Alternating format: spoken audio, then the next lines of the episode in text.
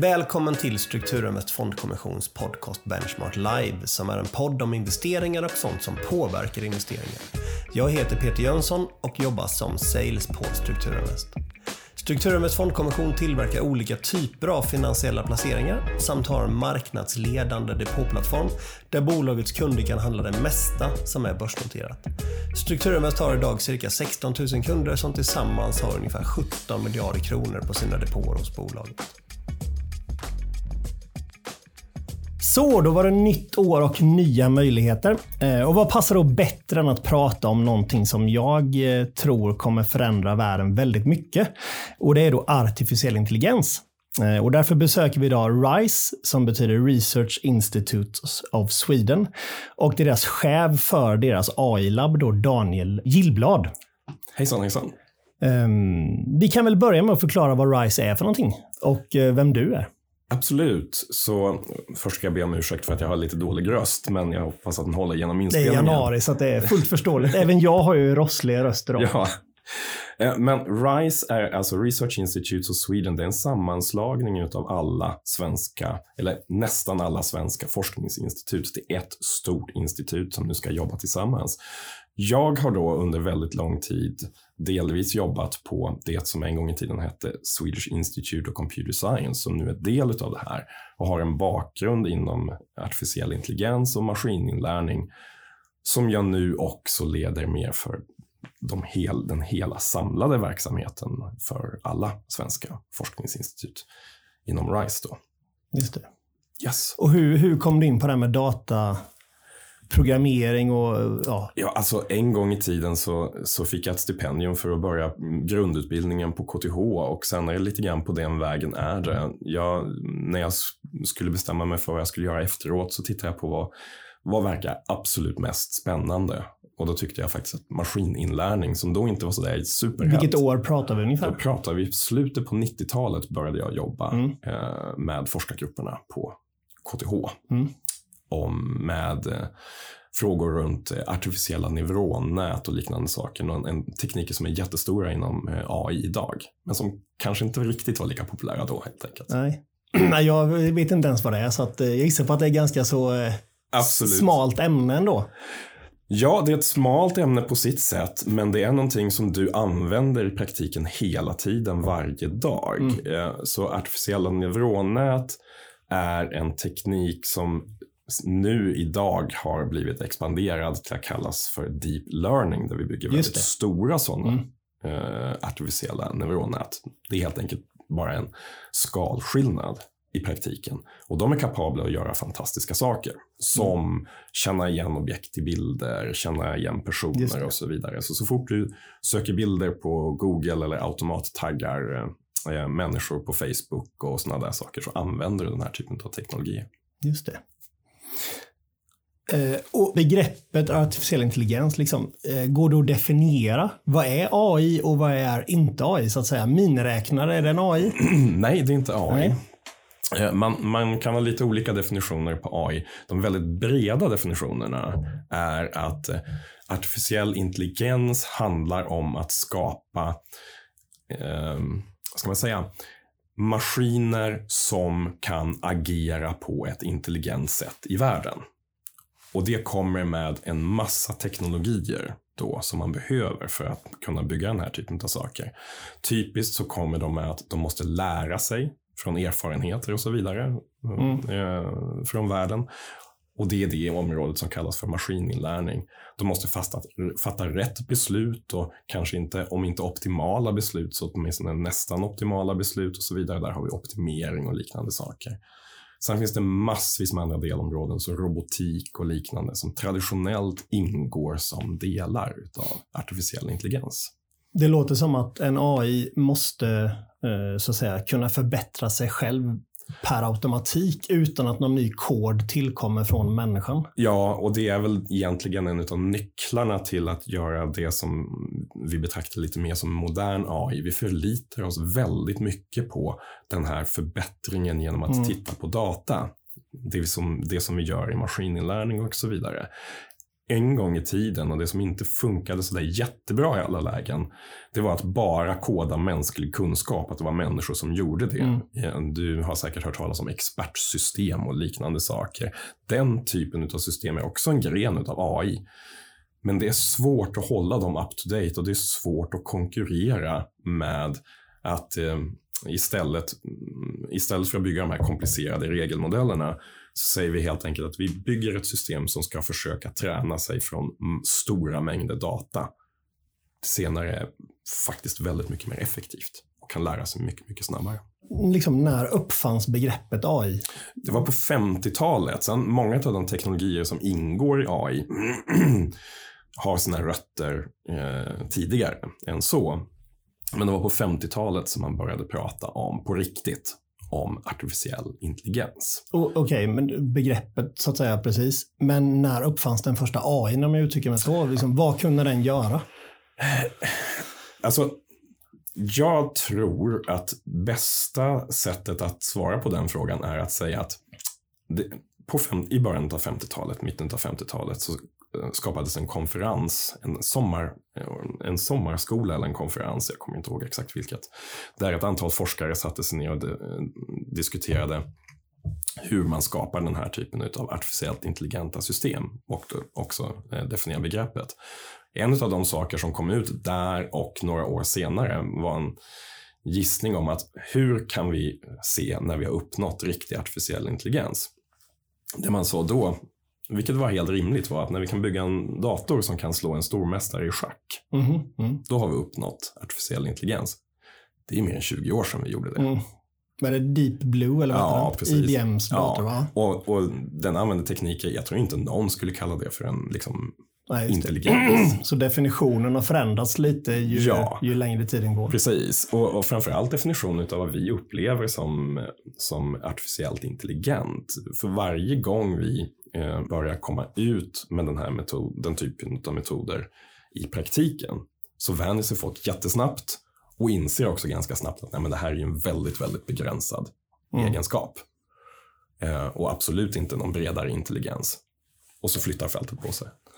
Vad är det som gör att AI så att säga utvecklas? Är det människans förmåga att programmera bättre och bättre? Eller är det liksom datorerna som blir bättre och bättre. När jag var ung så var det liksom Commodore 64. Jag gissar på att det går att bygga en bättre AI på en modern dator än en Commodore 64. Ja, och det där går, det där går i perioder. För när jag började hålla på med AI så var det kanske eh, Visst, det fanns en begränsning i, i datorkraft och så vidare framförallt är att utforska vissa olika typer, eh, vissa typer av metoder som till exempel deep learning som är väldigt, väldigt storskaliga metoder. Kräver enormt mycket datorkraft. Mm. Eh, så det gjorde man inte riktigt. Eh, däremot på de flesta andra områden där vi faktiskt fokuserade mycket av vår forskning så, så räckte datorkraften till ganska bra.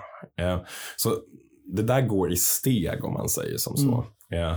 Jag tror att just nu så håller vi på att närma oss ett läge igen där det är mer algoritmerna som håller oss tillbaka. Det är som människan? Än, ja, mm. snarare än datorkraften. Än datorkraften. Mm. Men eh, därmed inte sagt att det inte behövs eh, mycket datorkraft för att köra modern AI, för det, det, det, det behövs det definitivt. Mm. Om man ska göra en AI, vad, ja. vad, behöver man då? Är det, är det bara pengar och en, en programmerare eller behövs det liksom Eh, Måste man utgå ifrån ett problem att lösa eller hur liksom? Alltså ja, egentligen så tror jag att det absolut bästa är mm. att utgå från ett problem. Det går liksom inte att bygga en vag liksom Eh, eh, utgår från en väldigt vag definition av intelligens och sen hoppas på att det ska ge någonting. Alla de här algoritmerna som vi använder kommer i slutändan att kräva att vi ska optimera på något matematiskt uttryck eller någonting sånt där. Det blir väldigt, väldigt konkret i slutändan. Om man utgår från ett problem så är det definitivt också väldigt, väldigt mycket enklare att fokusera in på vad är det för teknologi jag behöver. Vad är det jag ska göra med data? Vad är det jag ska göra med mänsklig kunskap? Vad är det för ett problem jag ska lösa? Och hur ger det värde till människor eller, mm. eller till företaget eller någonting sånt där. Eh, det är väldigt, väldigt lätt att bygga system som är intressanta men inte användbara. Ja, just det. Så de flesta som finns idag är specifika för ett ändamål. Ja, ja. Och sen så kan man anpassa dem till ett nytt ändamål med lite tweaks. Precis, i praktiken kan man säga att idag så har vi en stor verktygslåda med Mm. saker vi kan Just börja använda. Eh, och om man tar en titt på problemet så kan man börja pussla ihop den helt enkelt. Ja, men vi skulle behöva göra det här, det här, det här. Det här är vi ganska säkra på att det här går att lösa bra. Det här kanske kräver lite mer utveckling och så vidare och så vidare. Och så Mm. anpassar man sig därefter. Ehm, det stora problemet är kanske att det finns inte jättemånga människor idag som har både kunskap om metoderna och lång praktisk erfarenhet. Det är inte så många som har jobbat med det här Nej. under längre tid. Nej, och det har inte funnits så länge heller. Nej, så, så, och det var väldigt få eh, som höll på med det. Om du jämför med som, som vi gjorde tidigare, för 20 år sedan, så var vi väldigt få som höll på med det här. Jämfört med idag. Mm, så är det ju. Det blivit ett litet modeord nästan. Ja, men För att de ska helst ha någon form av AI. Ja, och eh, det anställs stora, eh, eh, stora AI-utvecklingsgrupper och så vidare. Det hände bara inte liksom för 20 år sedan på det Nej. sättet. Och, alla de konferenser som finns och så vidare, det är ju fem till tio gånger så många deltagare som Mm. det var bara för tio år sedan i vissa lägen. Men det är ganska dyrt att utveckla AI gissar jag på. Ja, Det det, kan vara resurser, det. liksom. Det kan vara det, absolut. Eh, Det, det, det är svårt att säga, vissa problem är ganska lätta att lösa bara rakt av, men ska man bygga någonting bra så krävs det resurser. Därmed inte sagt att det är liksom så här att det är 500 pers eller 1000 pers som ska Nej. till eller någonting sånt där. Det, det, det går att göra mycket mer med en liten grupp jätteduktiga människor. Mm, ja. Jättestora grupper eh, ibland. Men ja, det krävs resurser och det krävs ibland viss uthållighet. Mm. Det byggs inte på en, en dag. liksom. Nej, precis. Är det successivt det blir bättre och bättre eller kommer man till en punkt någonstans där det liksom är Eureka och så tar vi ett jättesteg framåt? Ja, i vissa lägen så kan det vara så. När saker verkligen börjar funka, då börjar de funka. Mm. Eh, Sen ska man också säga att i väldigt många tillämpningar och så vidare som man kör eh, ute i industrin eller eh, eh, ja, men kanske i finanssektorn och så vidare. Så tillräckligt bra är tillräckligt bra. När det har blivit tillräckligt bra, om du har blivit tillräckligt bra på att eh, förutsäga liksom, eh, fraud eller någonting Mm. i den stilen. Det finns bara några få promille kvar. Så kanske inte spelar så stor roll. Just det. säger så. Marginalnyttan avtar ganska fort efter. Ja, och det kan vara väldigt, väldigt, väldigt svårt och krävas väldigt stora investeringar för att bara bli Mm. lite bättre då Mm. helt enkelt. Mm. Så eh, ofta når man till en punkt där det är tillräckligt bra hyfsat snabbt faktiskt. Men om man tar en vanlig dag för en vanlig människa.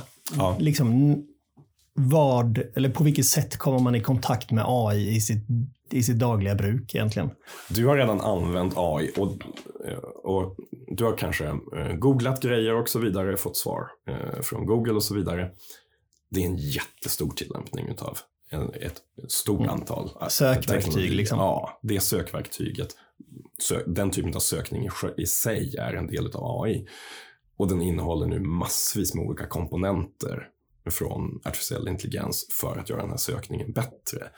Eh, när du satte dig på flyget och så vidare så har, så har säkert eh, vilka som ska eh, vara pilot och eh, alltså styrman och kapten och vilka som ska jobba i kabinen och vilket flygplan och så vidare. Allting sånt har säkert schemalagts av en dator någonstans som använder tekniker från artificiell intelligens för att få alla de här grejerna att funka. När du har ringt med din mobiltelefon och så vidare så använder du teknologier från artificiell intelligens inom eh, radioaccessnätet för att kunna hantera den här typen av stora system. Så det finns två stora grejer som vi märker i vår vardag. Dels de här tjänsterna som jag använder. Mm.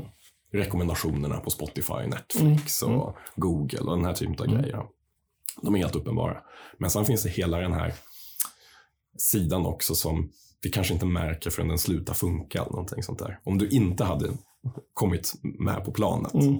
idag, då kanske, och någonting hade gått fel, ja, men då kanske jag hade märkt att han hade funnits där. Liksom. Mm. Hemskt mycket annat är osynligt helt enkelt. Och vi kommer att bli bättre och bättre. Det går att göra så mycket mer nu.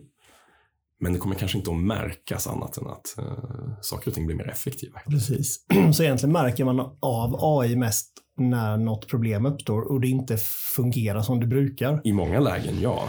Och, och det, det tror jag att man märker också i som företag som ska använda AI och så vidare. Om du sätter AI som tjänst, så mm. när du väl har utvecklat den och så vidare. Du märker av att du har den när den slutar funka. Liksom, då, mm. då märks mm. det. Det är en dyr och ganska ny teknik eh, och det är klart att finanssektorn är ju kända för att kunna tjäna lite pengar. och har gjort så historiskt. Precis. Eh, jag gissar på att eh, AI används i finans idag på många olika sätt. Absolut. Liksom, vad, är de, vad är de vanligaste sätten man använder AI på inom finans? Alltså, jag är ingen expert på finans, men jag, jag, jag känner en del människor som jobbar där och så vidare. Um, vissa typer av saker som att upptäcka avvikelser och så vidare, transaktioner för att avslöja olika typer av bedrägerier och så vidare. Mm. Absolut. Uh, Penningtvätt kanske? Det går absolut att använda till. Jag vet inte hur mycket som används Nej. där, men det är definitivt någonting som jag ska inte säga rätt framt, men det är en, det är en väldigt uh, tydlig tillämpning för mm. den typen av teknologi. Utan tvekan. Um, all typ av handel finns det säkert massvis med aktörer idag.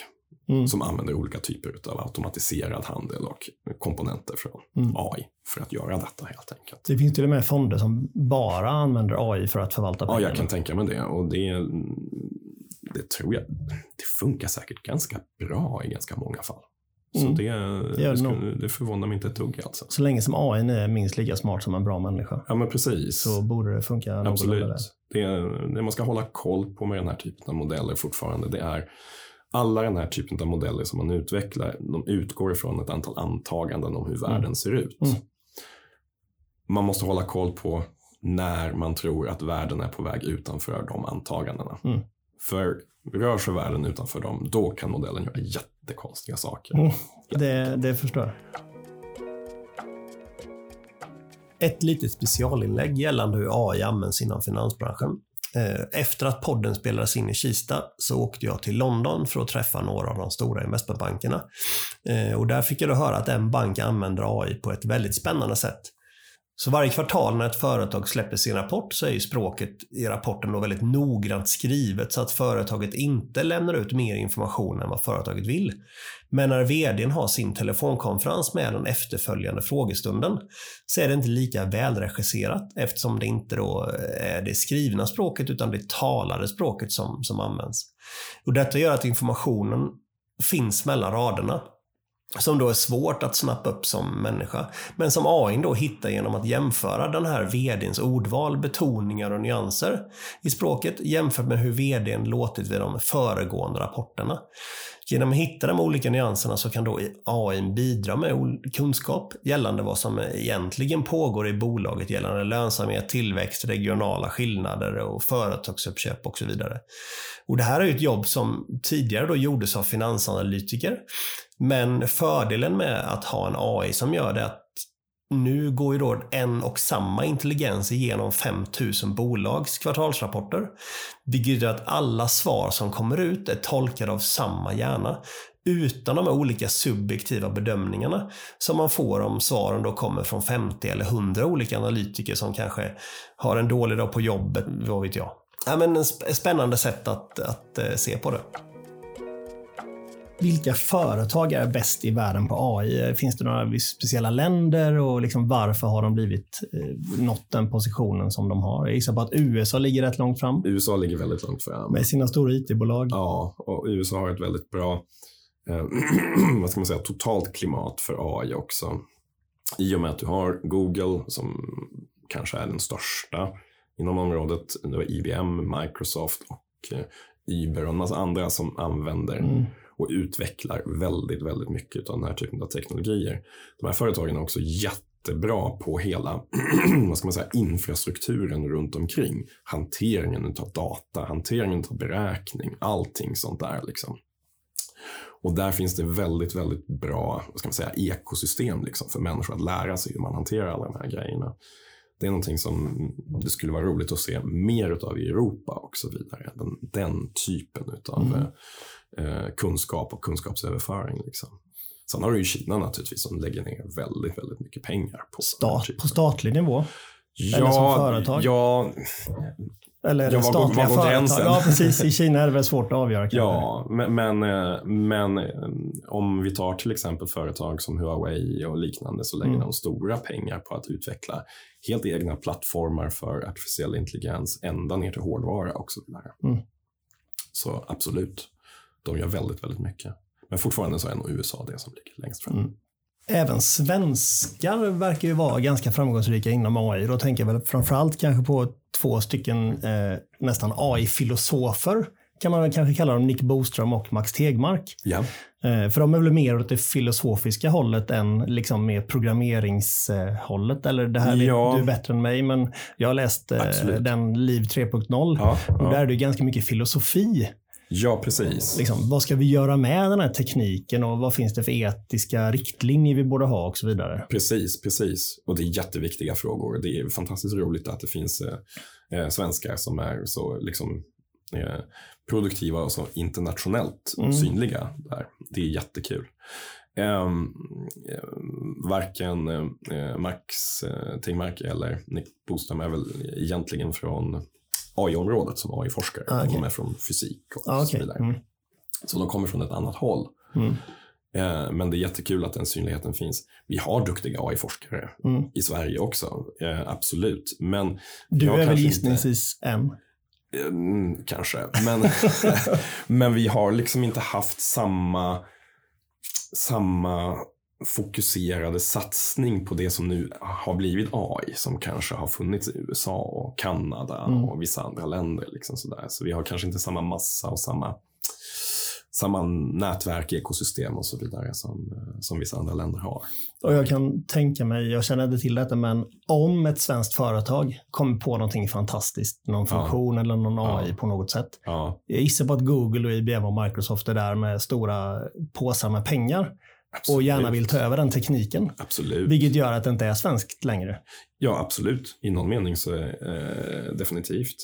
Nu finns det ju åtminstone något enstaka exempel på företag som, där det används AI och kommer att användas mycket mer AI, som till exempel Spotify och så vidare, Mm. som ändå mer känns svenskt. De har mycket Mm, ja, verksamhet här och så absolut. vidare. Eh, det vore kul att få till fler sådana. Att inte folk bara försvann till, försvann till Mm, ja, USA. precis.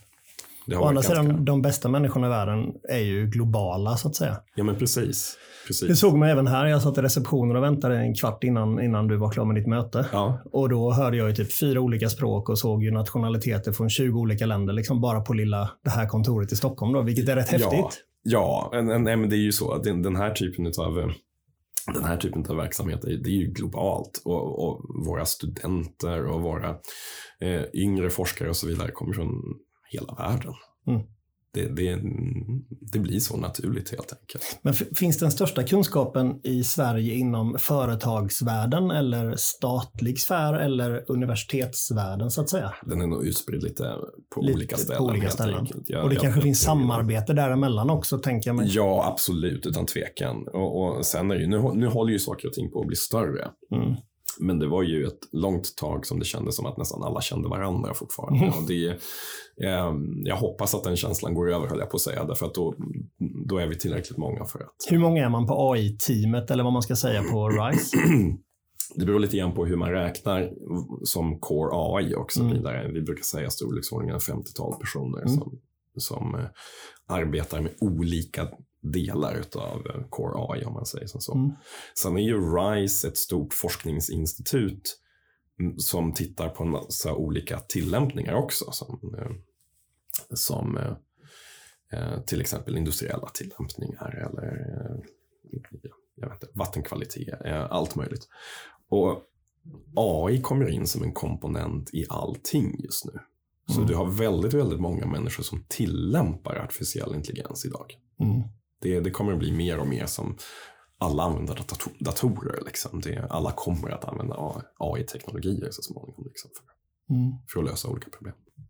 Borde Sverige och svenska företag satsa mer på AI än vad det görs? Eller känner du att liksom det är på en nivå där det verkligen händer saker nu?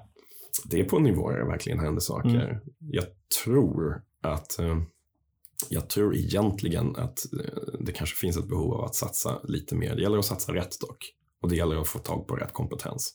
Mm. Um, för det, ja, man vill ju inte göra satsningar där saker och ting bara rinner ut i sanden. Och saker och ting inte bara användas och sådana där saker. Det vore otroligt trist för området också, liksom, för det har enorm potential. Men ett antal dåliga exempel och dåliga erfarenheter kanske minskar mm. intresset helt enkelt. Mm. Så, så länge investeringarna görs på rätt sätt så tror jag absolut att det finns faktiskt stort utrymme för att göra ganska mycket mer. Det känns som att det kan bli väldigt mycket allmännytta utav bli, de investeringarna. Ja, jag tror att det kan bli enormt stor allmännytta. Även om det tar lite tid liksom. Ja. Och jag tror att det, just det, det du säger, det är någonting som eh, vi brukar påpeka nu när, när vi är ute och föreläser och så vidare. Att det är liksom, det gäller att ha lite tålamod med den här typen av saker. Mm. Det är, I pressen kan det ofta se ut som liksom att ja, ja, AI löser de här problemen åt dig. Vissa, vissa begränsade fall kan det vara sant, men ofta så handlar det om att förändra eh, organisationer och hur man arbetar, hur man tar fram nya tekniker och tjänster och så vidare på ett eh, ibland ganska grundläggande sätt. Mm. Sånt tar tid. Sånt tar tid. Mm. vad liksom ligger fronten inom AI idag? Innan vi pratar om framtiden, så liksom, vad, är, vad är det hetaste inom AI idag? Vad är det liksom den bästa AI kan göra som vi inte trodde var möjligt för bara några, några år sedan? Alltså, ja, det, det som, eh, det som tog upp, togs upp som exempel väldigt ofta bara för några år sedan, det var ju väldigt mycket på eh, bildbehandlingssidan. Helt plötsligt så kunde eh, vi med den här typen av djupa nätverk, deep learning och så vidare, göra saker med bilder som vi absolut inte hade kunnat göra tidigare. Till exempel öppna telefonen. Till exempel öppna telefonen, till exempel identifiera personer och identifiera... Med kameraövervakning ja, och så vidare. Ja, precis. Identifiera objekt i bilder på ett sätt som liksom i vissa benchmarks som man säger som så definitivt slår mänsklig förmåga. Så, så det var ett jättehopp. Um, i det området. Nu kanske vi mer och mer upplever det som naturligt att datorer kan göra det. Men någonting som har hänt de senaste säg, två, tre åren är att vi har upplevt lite grann av samma utveckling där också på naturligt språksidan. På liksom mm. engelska, på svenska och så vidare. Att eh, numera så kan vi göra väldigt mycket mer avancerade saker med naturligt språk än vi kunde tidigare. Och med naturligt språk, vad menar du? Det som vi pratar här, mm. inte datorkod eller, eh, eller protokoll och sådana där saker, utan eh, vanlig skriven eller talad liksom, engelska till exempel. Där man kan idag eh, göra mycket, mycket bättre metoder för att känna igen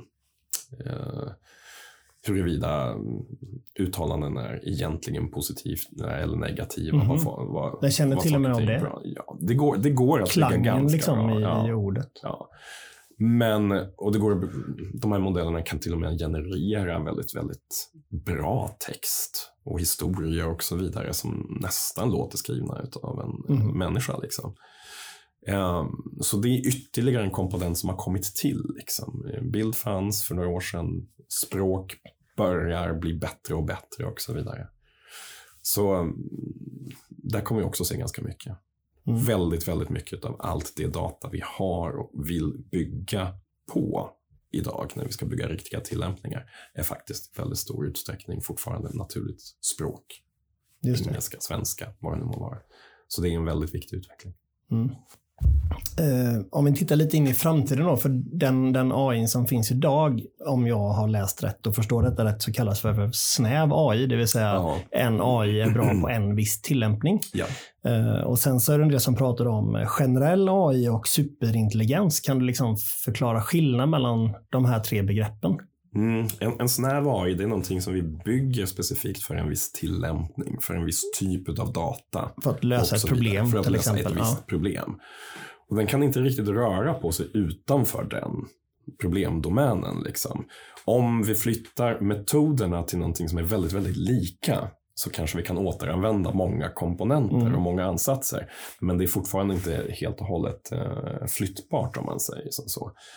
En, en bred AI det är någonting som har lärt sig från ganska, antagligen lärt sig från ganska breda datakällor som har en stor kunskapsbas som kanske liknar mer den som du och jag har. Där vi kan överföra kunskap från andra områden på ett väldigt effektivt sätt faktiskt till nya områden och anpassa sig till att lösa ganska nya uppgifter. Där är vi inte riktigt än. Liksom. Det är en, vi bygger fortfarande snäv AI mm. idag. Och generell AI, det finns ingenting som säger att det är omöjligt att bygga. Vi vet inte exakt hur det ska se ut, hur de typen av system ska se ut för att bygga det än så länge. Men alla, alla försöker nå dit gissar jag på? Alla försöker nå dit, utan tvekan. För det är väl ett sånt Heureka moment? Ja, utan tvekan. Och, och eh, antagligen så kommer det att se ut så att det finns olika varianter på bred AI också, mm. om du förstår. Det, det och bred AI, AI och generell AI? Generell samma, AI, ja, precis. Ja, men precis. Um, och lite olika ansatser till att hantera det. Men eh, det är naturligtvis dit man vill komma. Mm. För det skulle lösa saker så mycket mer effektivt om man säger så. Mm. Det blir mer som en mänsklig hjärna. Absolut. Fast en hjärna som vi kan bara trycka copy på. Mm. Eftersom allting är lagrat i en dator. Liksom. Mm. Och när tror du att vi når generell AI? Eller? Jag brukar skämta om det. Om, jag brukar säga om 10 till 20 år. Om du hade frågat mig för 10 till 20 år sedan så hade jag sagt samma sak. Jag räknar med om du frågar om 10-20 år så kommer jag säga samma sak mm, igen. Mm, mm.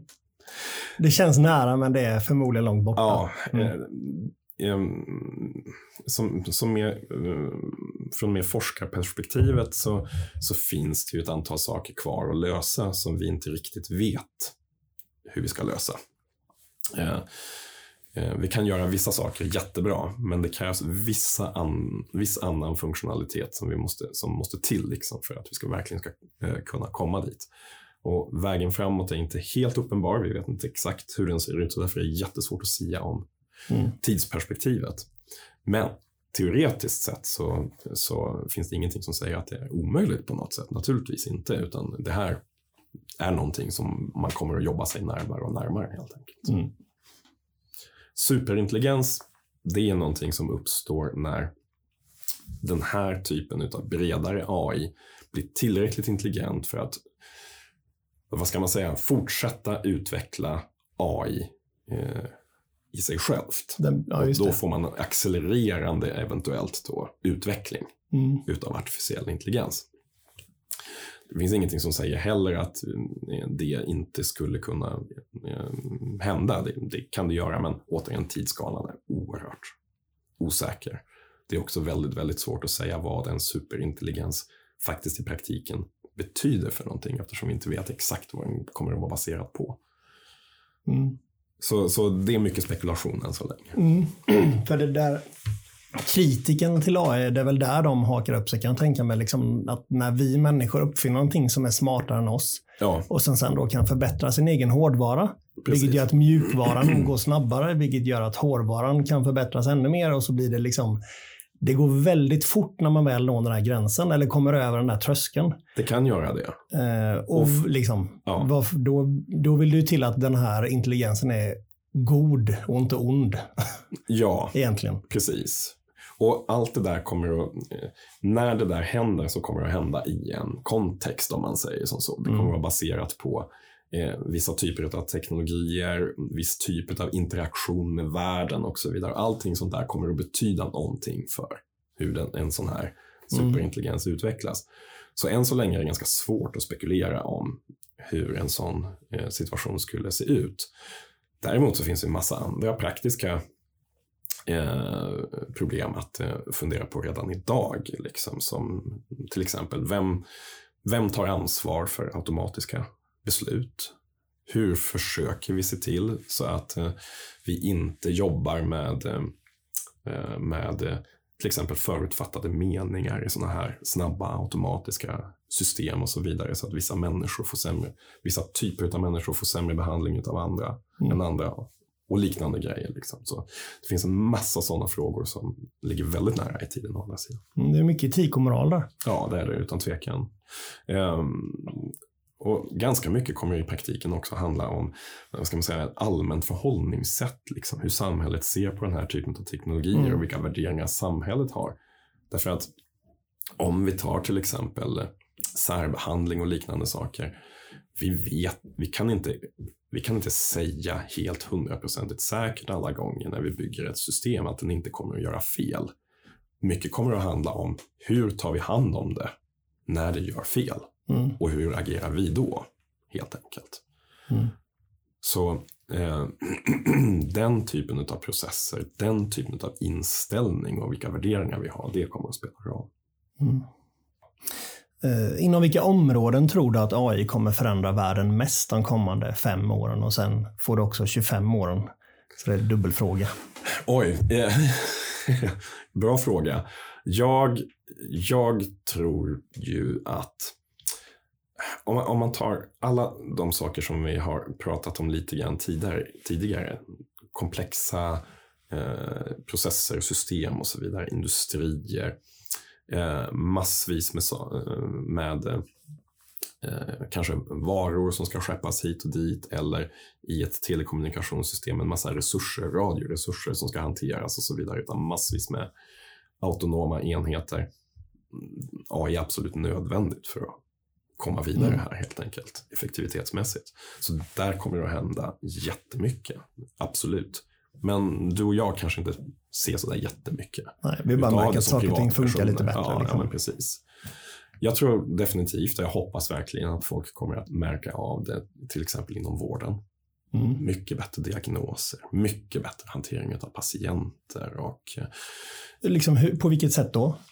Ja, men idag så vet vi att med den här teknologin som vi har idag så vissa typer av diagnoser går ju faktiskt att göra antagligen betydligt bättre i vissa lägen med hjälp av eh, datorer som tittar på till exempel, inte vet jag, röntgenbilder, eh, Ja, magnetkameror och så vidare. Så istället för att ha typ en läkare som kan ha 150-200 röntgenbilder Ja. i hjärnan så har man en AI som har 5 miljoner röntgenbilder i Ja, hjärnan. absolut, Och absolut. jämför olika skuggor och sånt. Precis. Och saker och ting kanske är mycket snabbare. Förhoppningsvis så behöver det inte vara lika mycket in- administration inblandat. För mycket Mm. av den kan vi absolut automatisera. Mm. Och det går att kommunicera på ett annat sätt. Det, det är liksom, eh, en av de saker som datorer är bra på är att kommunicera mellan, ja, över hela världen väldigt, väldigt snabbt. Så ifall det till exempel sker något utbrott av en, om vi tar ett jätteenkelt exempel, utbrott av någon sjukdom, sällsynt eller någonting någonstans. Typ virus i Asien. Ja, och om det börjar poppa upp på några vårdcentraler och så vidare. Det är någonting som ett hopkopplat datorsystem absolut skulle kunna upptäcka jättesnabbt. Men som läkare inte har en chans eftersom då skulle de behöva prata med Ja, sina det. kollegor överallt hela Exakt. tiden. Ja, så all sån upptäckt, diagnos och så vidare. Och ofta kanske innan mm, det faktiskt är ett problem. Liksom. Innan vi får hjärtattack så kanske vi har eh, sensorer på oss och sånt där som Mm. gör att nej men, vi upptäcker att någonting börjar vara ett problem. Innan du hamnar på akuten på riktigt så kanske vi kan Mm. göra någonting åt det. Och det går att göra jättemycket med automatiseringen och optimeringen av alla de här processerna. Liksom. Vem ska gå vart någonstans och vem ska få vilken typ av hjälp och så vidare. Och förhoppningsvis så kan vi få människor, ja, men till exempel i vårdsektorn, då, att spendera tid på det de är riktigt, riktigt bra på, det maskiner inte kan. Att prata med människor, Mm. och spendera tid med varandra och den typen av saker. Liksom. Mm. Det låter ju bra med tanke på de vårdköerna som finns idag. Ja, det var därför jag tog upp det, Mm. det exemplet. Det, det mycket pekar på att vi måste använda den här typen av teknologier för att faktiskt lösa vården om 10-15 Mm. år på ett effektivt Men tanke på sätt. att vi blir mycket äldre också, Ja. klart. Ja. Ja, det är sannerligen samhällsnytta. Ja.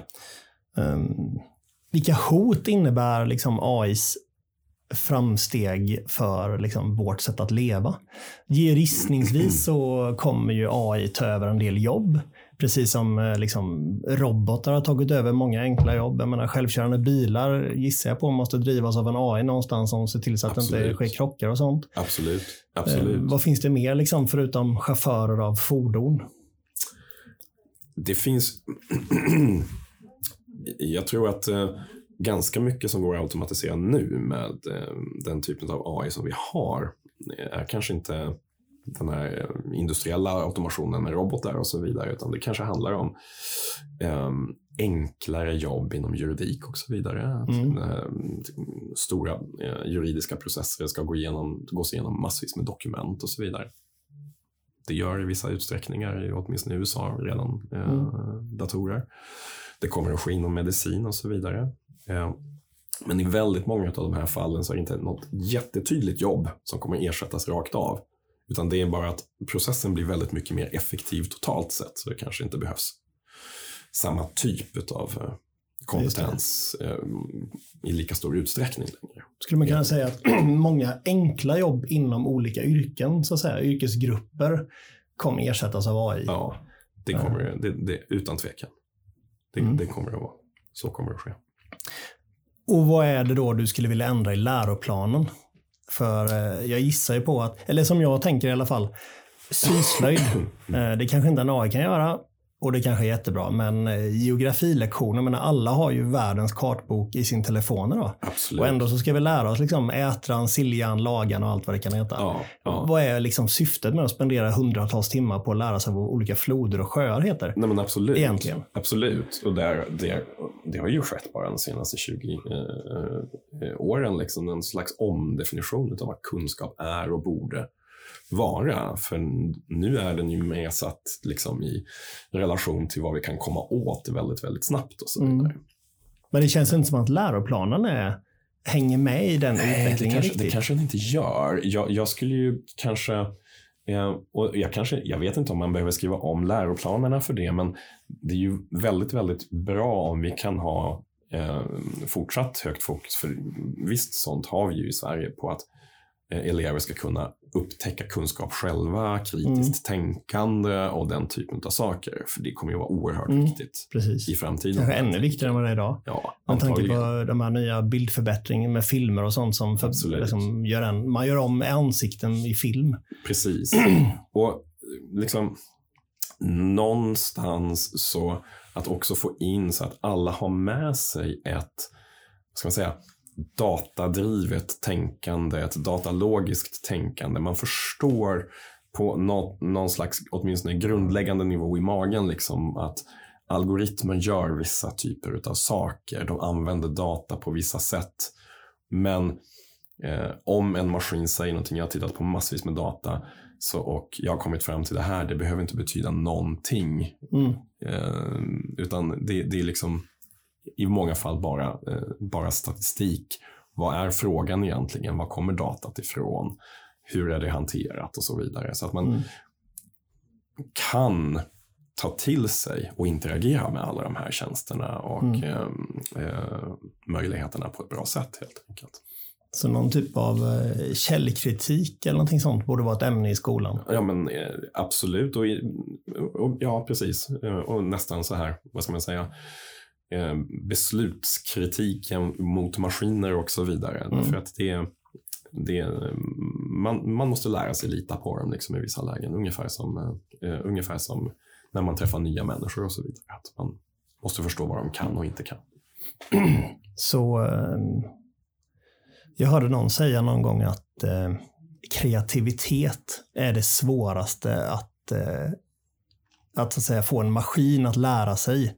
Ja. Eh, håller du med om det? Eh, Ja, ja och nej. Alltså, det finns något som kallas för generativa modeller och så vidare. Där vi till exempel kan, som vi pratade om tidigare, man kan skapa texter till exempel. Som ser ganska Mm. bra ut. Och ifall det är snäva områden, säg att du ska göra ett sportreferat eller någonting Mm. sånt där. Som är väldigt formaliserat, alltså korta grejer. Så är det säkert nästan i vissa lägen fullt ut användbart redan idag. Mm. När det gäller att skapa ny kunskap, när det gäller att eh, tänja på gränserna och så vidare. Nej, det, där har vi inte riktigt system som, eh, som gör det på ett naturligt sätt.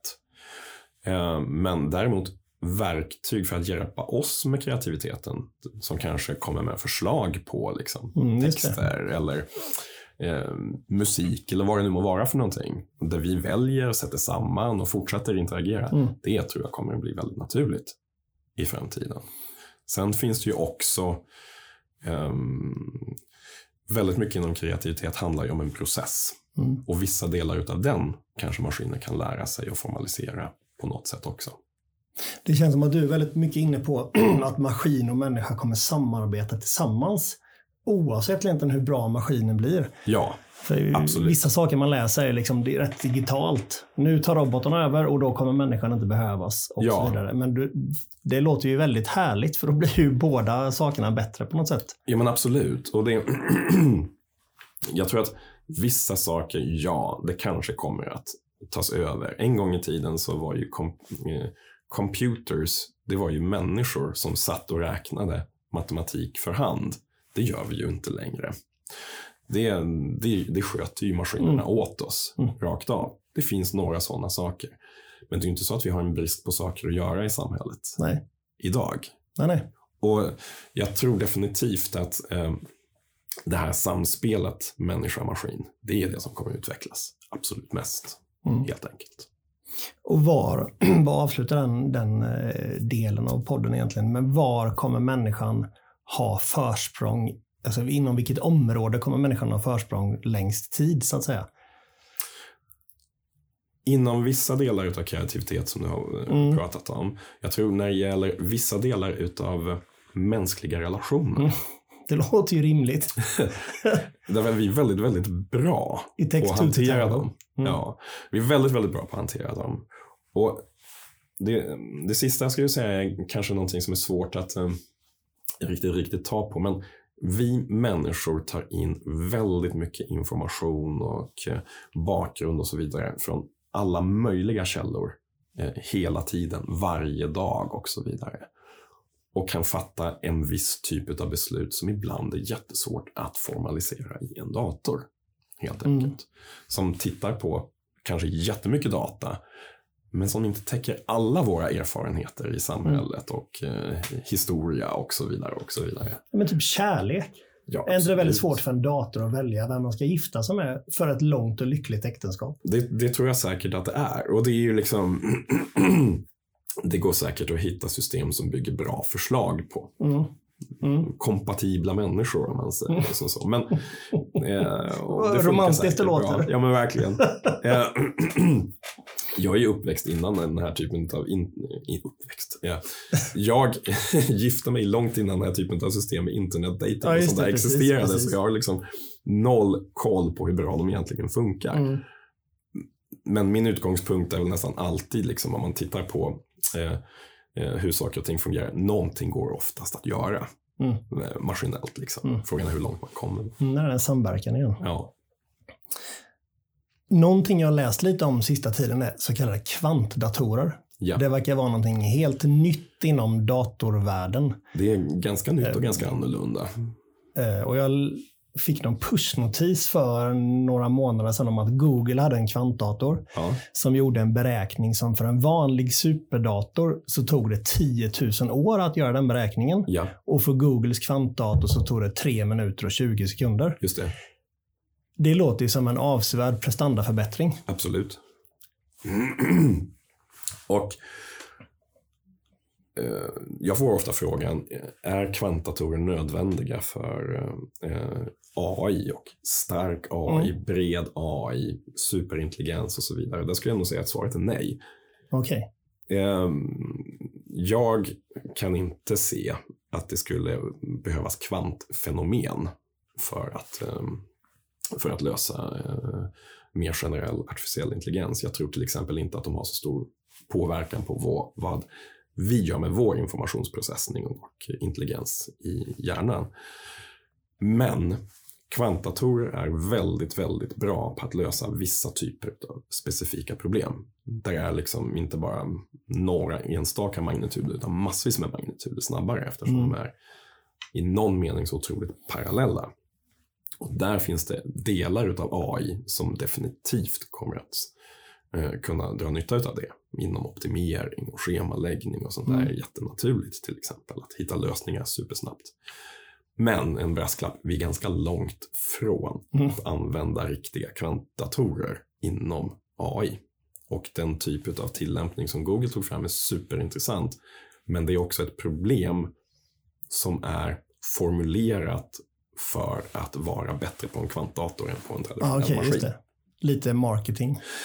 Ja, men i någon mening. Men det är fortfarande väldigt, väldigt intressant resultat. Mm. Men det är fortfarande ganska långt kvar innan vi kommer att uh, ha jättestor liksom, uh, komponent kvantdatorer i våra beräkningar och våra system och så vidare. Men det är en väldigt spännande utveckling. Mm.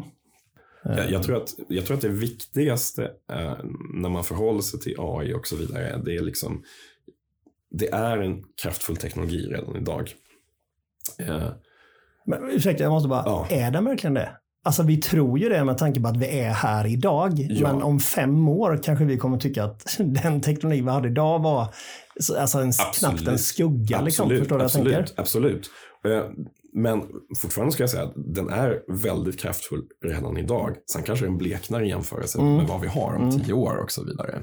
Och man ska alltid vara försiktig med mm. kraftfull teknologi. Mm. Och när det handlar om eh, eh, när det handlar om AI och AIs tillämpning till exempel i militära system och så vidare. Mm. Naturligtvis. Och det finns redan. Mm, det, det som skulle kallas AI finns i massvis av eh, militära system redan och kommer fortsätta utvecklas. Det är verkligen upp till oss eh, som samhälle som eh, får bestämma hur och på vilka villkor.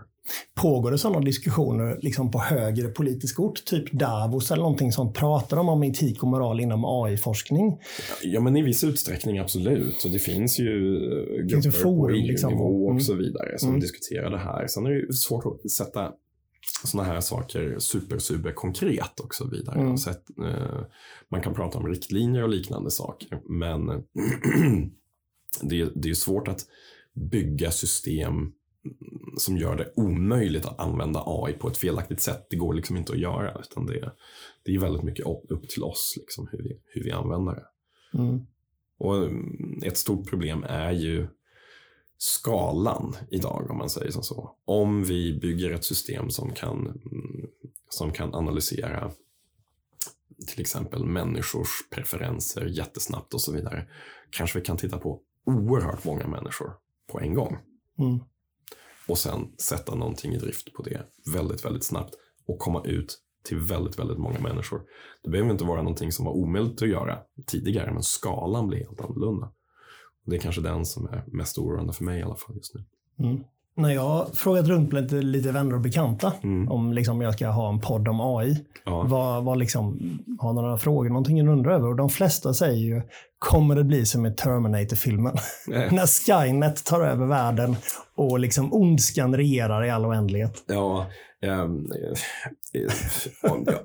Det, det, återigen, det, det finns ingenting som säger att det absolut inte skulle kunna hända gissar jag. Men eh, om jag ska göra en allmän bedömning, all, antagligen inte. Jag, jag, tror inte att vi skulle bygga den typen av system med bara den typen av access Nej. på det sättet. Nej, precis. Eh, utan hängslen och livrem. Eh, så att de har överhuvudtaget den möjligheten att agera på det sättet. Så jag skulle säga att det är osannolikt. Det låter ju väldigt, väldigt bra tycker jag. För det är väl ingen värld man vill leva i Nej. kanske jag känner väl att vi har eh, inte tömt ut ämnet, för det gissar på att ta 30 år eh, att göra. Men och då är man ändå har, inte färdig. Nej, precis. Vi har liksom berört ämnet precis. lite i alla fall och tagit de här grundläggande sakerna, känner jag. Ja. Är det någonting du känner att vi har glömt att belysa? Nej, det tror jag inte. Jag tror att eh, vi har gått igenom massvis med spännande områden mm. och exempel. Um, har du några boktips om man vill lära sig mer om AI och så vidare? Jag tror att idag så finns det så mycket material på nätet och så vidare. Nu sitter vi på mitt kontor här där jag mm. fortfarande har en del böcker och så vidare. Den tiden stannade runt 2007-2008. Mm. Då allting blev online istället. Ja, just det. Liksom. Eh, så det finns säkert jättespännande böcker där. Eh, jag vill helst inte re rekommendera Nej. akademiska papper och sånt där. Nej, för precis. att de är så otroligt ja, det tror jag. det tror jag vi håller oss undan ifrån. Utan titta mer, följ det som händer på nätet helt mm. enkelt. För det är ett område i snabb utveckling helt enkelt. Finns det information på ri.se? Det finns det mm. och den kommer uppdateras och fortsätta mm. uppdateras och så vidare. Så följ gärna den. Det kommer också, vi, kom, vi har events och seminarier och så vidare mm. med, eh, med forskare och tillämpare och så vidare som berättar om vad de håller på med. Så följ gärna den, absolut. Jättebra. Och kom ihåg att AI, även om det kan se hotfullt ut och så vidare, så är det, det är teknologi huvudsakligen som kan användas för att göra saker väldigt, väldigt mycket bättre. Mm. Och det, det är bäst att eh, närma sig AI på det sättet. Mm, det är nog det jag tar med mig mest från det här samtalet, att huvudsyftet med alla AI är egentligen att skapa mer allmännytta. Ja. Vilket är liksom ett väldigt bra syfte. Och det tror jag att det perspektivet är väldigt viktigt att ha. Mm. Precis. Grymt. Toppen. Tack så mycket Daniel. Tack mycket, så mycket. trevligt. Tack för att du tog dig tid och eh, Absolut prata med oss. Mig, oss, mig. Hur man nu säger. Tack så mycket. Tack. Det du hört i denna podcast ska inte ses som rådgivning rörande finansiella placeringar eller investeringar, bokförings-, skatte eller juridiska frågor. Du ska inte basera dina investeringsbeslut på det som framkommit i podcasten. Kontakta alltid din rådgivare för att bedöma om en placering eller investering är lämplig för dig.